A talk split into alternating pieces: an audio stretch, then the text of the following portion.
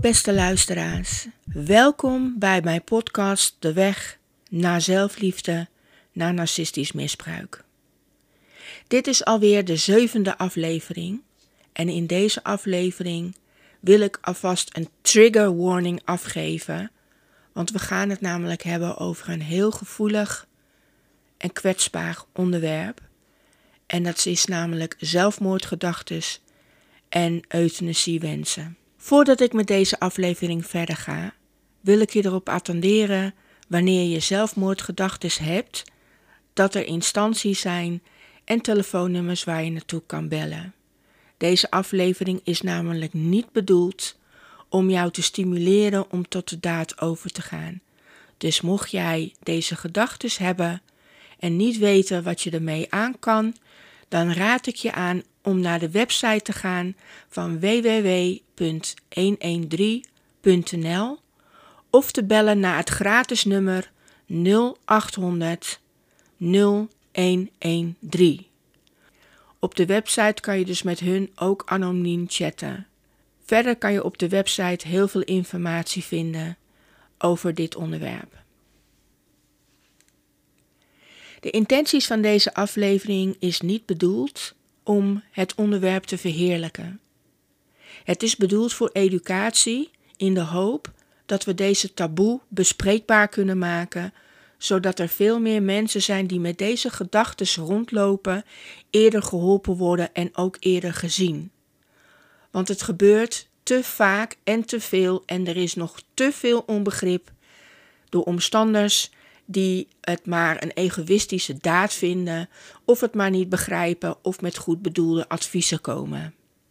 Buiten de educatie wil ik ook een stuk van mijn eigen ervaring delen en ik wil deze aflevering opdragen aan een losgenootje van mij die vorig jaar op 23 januari 2023 heeft besloten om euthanasie te plegen na een lange lijdensweg.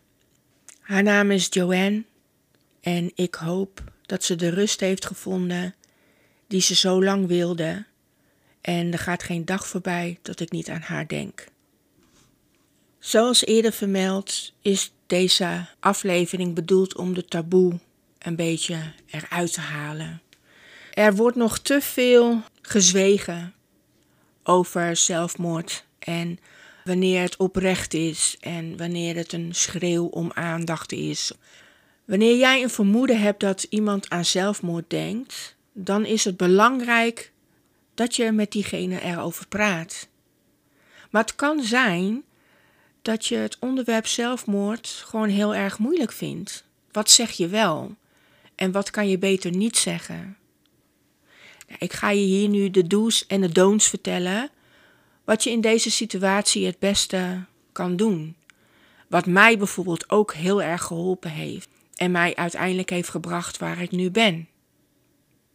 Hoe begin je een gesprek over zelfmoord? Uh, het is de bedoeling dat je eerst een aansluiting vindt. Knoop gewoon een gesprekje aan en laat zien dat je je zorgen maakt. Benoem wat je ziet bij de ander. Bijvoorbeeld: Het valt me op dat je je terugtrekt.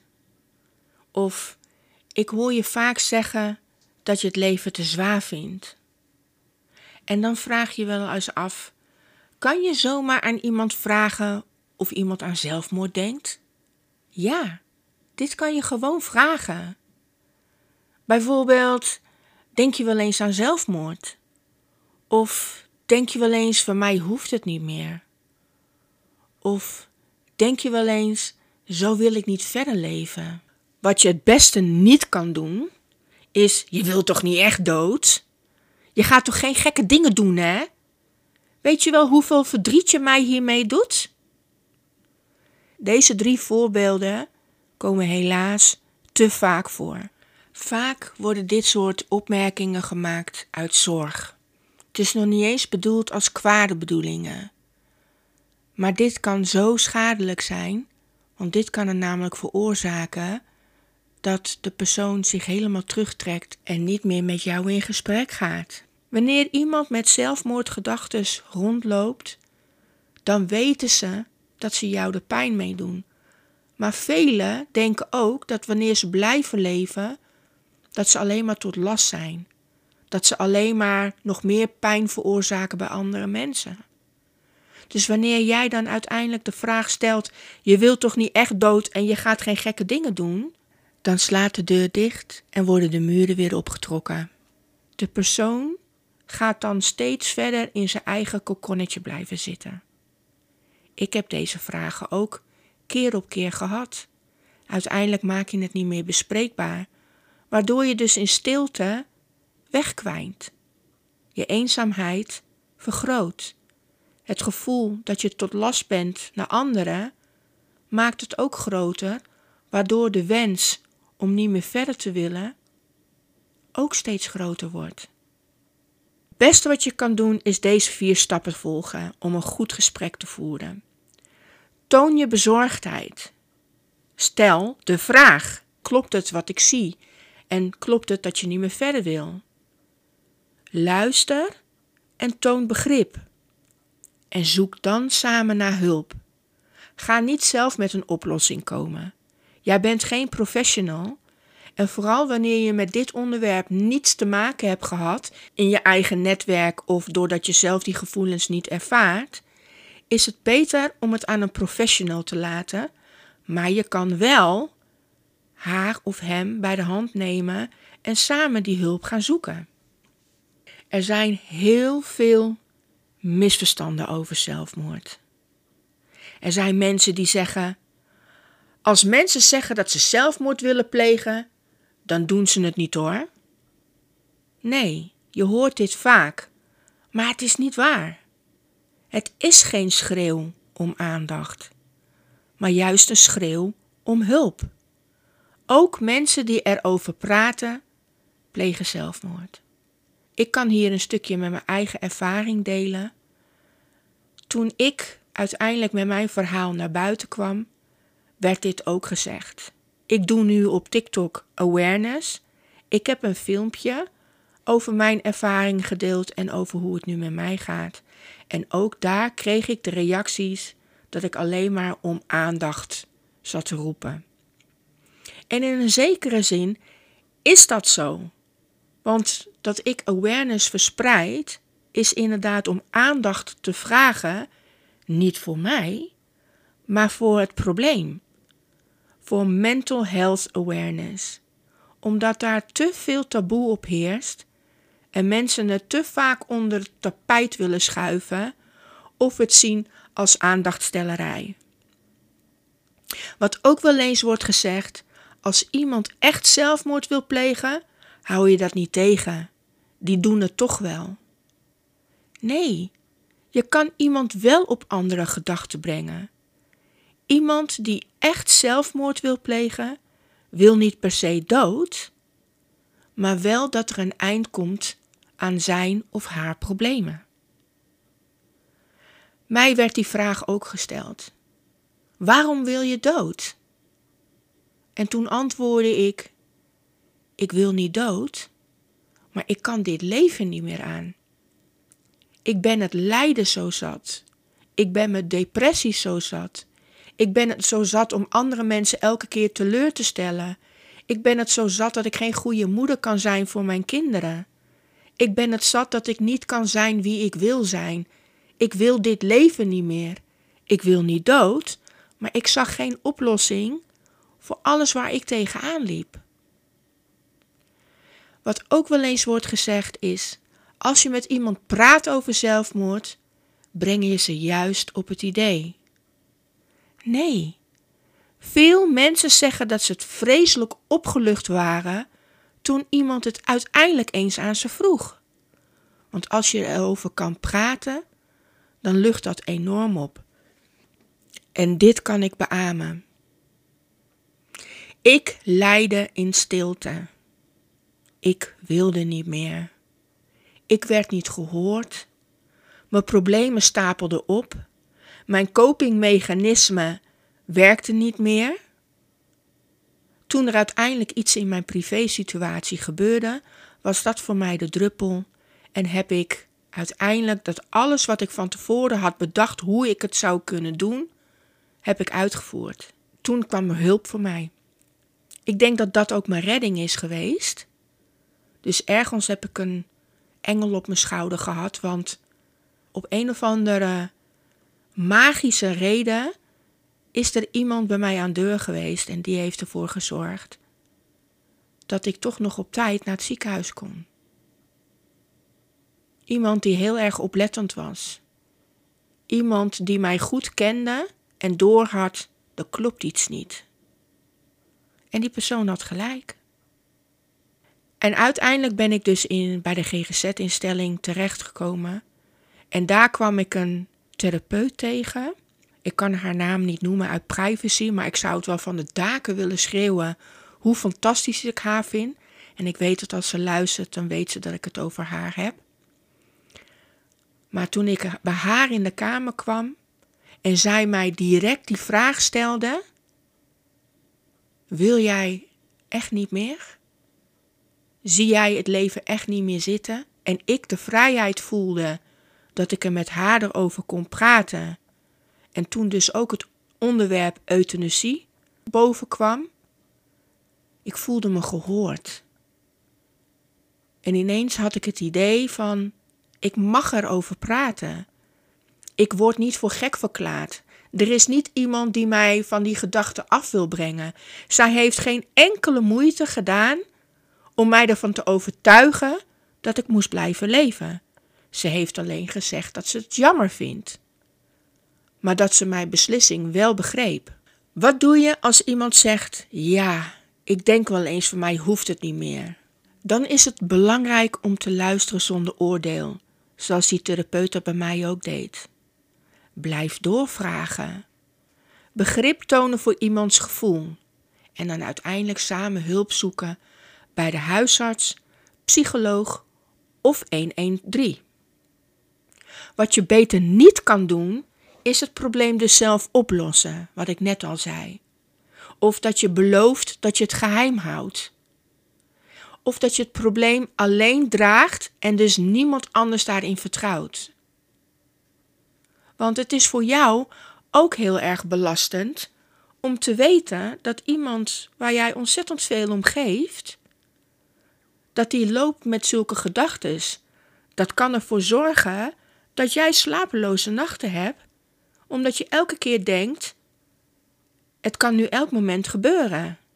Daarom is de tip ook: zorg voor de ander en voor jezelf. Als er iemand is om wie jij je zorgen maakt, is het makkelijk om jezelf compleet te vergeten. Begrijpelijk, want al je aandacht gaat uit naar de ander. En toch is het verstandig om ook aan je eigen gezondheid te denken. Alleen als jij goed in je vel zit, kan je er echt voor diegene zijn. Dit zijn dus de tips die je zelf in deze situatie staande kan houden. Om goed voor iemand te zorgen, heb je een flinke dosis energie nodig. Die energie moet ergens vandaan komen. Maak je af en toe los en richt je op de dingen die je een goed gevoel geven. Want zo laat je namelijk je batterij weer op en kan je daardoor er beter zijn voor de ander. Gun jezelf de tijd en de rust om dingen goed op een rijtje te zetten. Denkt er iemand om wie je geeft aan zelfmoord, dan kan dat hele hevige emoties bij je oproepen. Je kan je schuldig voelen, machteloos, angstig, boos of verdrietig. En dat alles is helemaal logisch. Sta deze gevoelens gerust toe. En belangrijk is, is dat je de last niet alleen draagt, maar laat je op jouw beurt ook steunen door anderen. Lucht je hart bij de mensen om je heen die je vertrouwt. Je doet al heel veel door en voor de ander er te zijn. Het is goed om dat te beseffen. Je bent niet verantwoordelijk voor de keuzes die de andere maakt, namelijk. En wordt het je allemaal te heftig? Geef dan je grenzen aan. Of het nou gaat om je partner, een vriend of iemand op het werk, je kind. In elke relatie tellen de gevoelens van beide personen. Ook als een van de twee aan zelfmoord denkt. Spreek zo nodig af wat de andere wel en niet van jou kan vragen. En stem af hoe en wanneer en hoe vaak jullie je problemen bespreken. Ik weet uit ervaring hoe belangrijk dit is. Toen ik uiteindelijk gehoord werd, het bespreekbaar had gemaakt dat ik echt niet meer verder wilde leven en dat er dus inderdaad een mogelijkheid bestond voor euthanasie, ben ik in gesprek gegaan met mijn therapeut daarover en zij raden dit aan om dit ook in mijn netwerk bespreekbaar te maken. Ik heb dit mijn beste maat en mijn kinderen uiteindelijk verteld. Deed me zeer, omdat ik wist dat ik hun daar verdriet mee zou doen. Mijn beste maat, ja, die reageerde eigenlijk met: Ja, ik vind het ontzettend jammer, maar dit is jouw keuze, het is jouw leven. En als jij op deze manier niet meer verder wil, dan begrijp ik dat en steun ik jou in je keuze. Toen ben ik het gesprek aangegaan met mijn kinderen. Mijn zoon had het er heel erg moeilijk mee. En mijn dochter, die gaf uiteindelijk aan van mam, het doet me verdriet, het doet me pijn, maar ik weet nu wel waar ik aan toe ben. Want elke keer als bij mij de telefoon gaat, ben ik elke keer bang dat je er niet meer bent, omdat ik dan te horen krijg dat het dit keer wel gelukt is, of dat je weer in het ziekenhuis ligt. En ik kan daar niet zo goed mee omgaan. En dit maakt het voor mij wel duidelijk, en dan weten we waar we aan toe zijn. Mijn zoon is later erop teruggekomen en die heeft tegen mij gezegd: Mam, het liefste zou ik willen dat je op deze aardbol bleef. En dat je, als ik kinderen krijg, en voor je kleinkinderen bent. Maar als jij dat alleen maar doet voor ons. En jij bent alleen maar aan het lijden en wij leven onze verdere leven. Dan heb ik veel liever dat je boven ons, over ons waakt en dat je daar veel gelukkiger bent. Deze twee uitspraken van mijn kinderen hebben mij dus versterkt om het te gaan doen. Toen heb ik in een verder uh, netwerk van mij het een en ander aan mensen uitgesproken en ik ontving van die mensen ook steun. En dat was heel fijn. Ik werd gehoord, ik werd gezien en mijn controle om het stukje leven weer terug te krijgen werd geaccepteerd. Er was niemand die mij ervan af wilde praten. Iedereen had begrip voor wat, waar ik, wat ik eigenlijk wilde. En dat het voor mij genoeg was. Dan zou je denken, nou, wat doe je hier nog? Twee jaar later. Ja, zo'n euthanasietraject, dat is niet van de een op de andere dag beslist. Daar gaat een heel lang traject aan vooraf. Eerst moet je dus aan kunnen tonen dat je uitbehandeld bent. En dat betekent dus dat je alle therapieën die er aangeboden kunnen worden op het gebied van trauma, persoonlijkheidsstoornis, etc., dat je die allemaal hebt afgehandeld. En wanneer daaruit blijkt dat je dus inderdaad uitbehandeld bent, dat er niks meer is wat voor mij het leven draaglijk kan maken, dan pas kom je bij een euthanasietraject en dat duurt ook nog twee jaar. Want dan kom je bij zo'n, ja, wat zeg je, bij die mensen die je dus moet van overtuigen, die dus alle dossiers opvragen van alle behandelaars en van alle therapieën die je hebt gehad. En dan uiteindelijk wordt er een toezegging gedaan, ja, het kan of nee, het mag niet. En dat is heel belastend. Maar goed, ik had mijn kinderen beloofd van oké, ik pak deze twee jaar om nog alles aan te pakken wat er nog aan te pakken is. Dus alle therapieën die er nog zijn, die ga ik volgen. Ik hou me aan mijn medicatie en ik beloof jullie, zolang ik in behandeling ben, zal ik niet de daad aan mezelf gaan richten, omdat voor mij, plan B noemde ik het altijd, uh, duidelijk was. Want dan wist ik dat ik er alles aan had gedaan. En dan had ik een plan B. Een plan B waardoor iedereen geaccepteerd werd. En waardoor iedereen uh, ja, mij de tijd gaf om van iedereen afscheid te nemen. Dus ik zag het eigenlijk, ja, het klinkt heel stom, als een verheerlijking van: weet je wat, oké, ik doe wat er nog te doen staat, maar daarna moeten jullie me laten gaan. En die toezegging heb ik gekregen. Wat er allemaal in die twee jaar niet is veranderd. Dat is echt bizar. Ik heb eerst MBT-training gedaan, een dagbehandeling. Dat liep niet zo goed. Ik kreeg daar een hele nare ervaring van iemand die uit de groep persoonlijke dingen uh, deelde op het internet over mij en mij ook op internet lastig viel. Dus dat was een behoorlijke klap. Daarna ben ik naar de vaardigheidstherapie gegaan. Dat is een herhaling van de DGT-therapie die ik al jaren geleden ook heb gedaan. En daar kwamen heldere momentjes. Ik kwam daar in een fijne groep terecht, met fijne therapeuten. En ik kon daar dus een aantal vaardigheden leren die mij weer wat inzichten gaven in mijn patronen.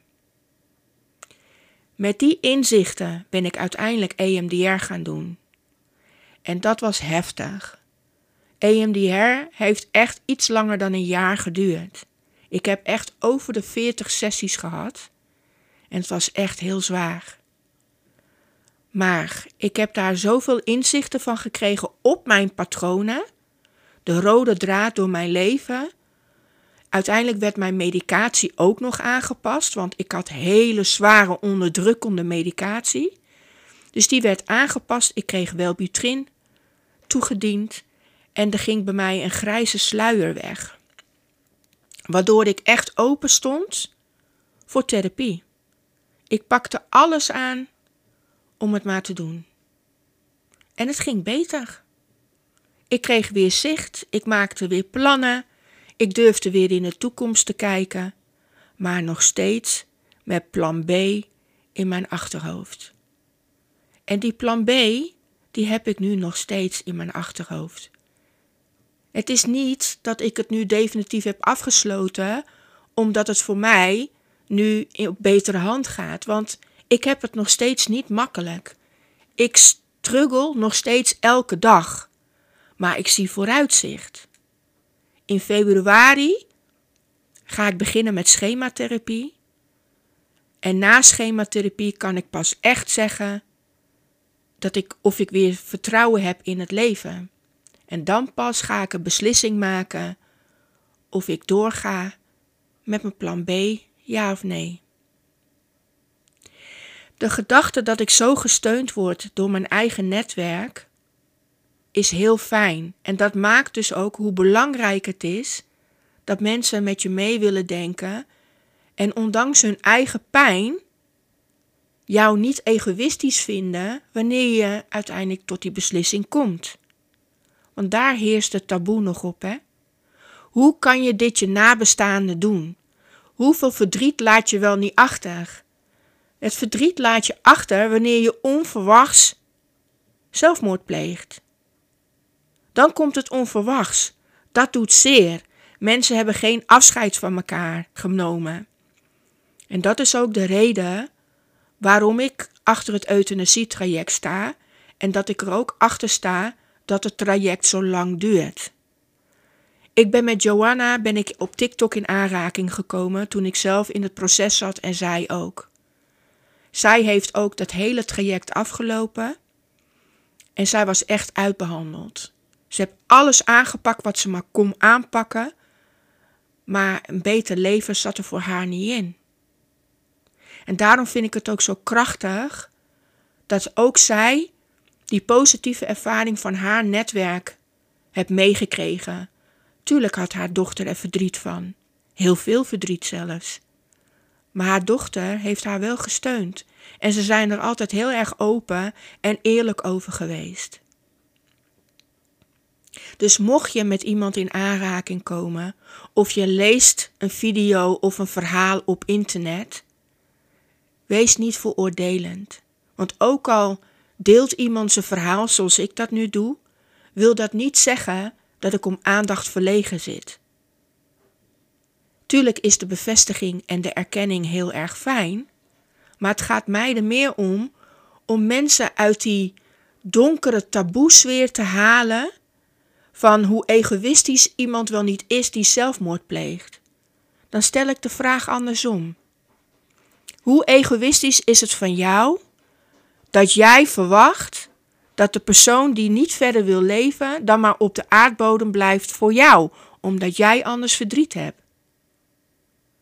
Dat is toch voor de persoon die eigenlijk niet verder wil leven, niet meer draagbaar? Dat betekent dat die persoon zich moet aanpassen aan jouw verdriet. Dat is pas onmenselijk. En dat is pas egoïstisch. Nogmaals, ik wil het euthanasietraject niet verheerlijken.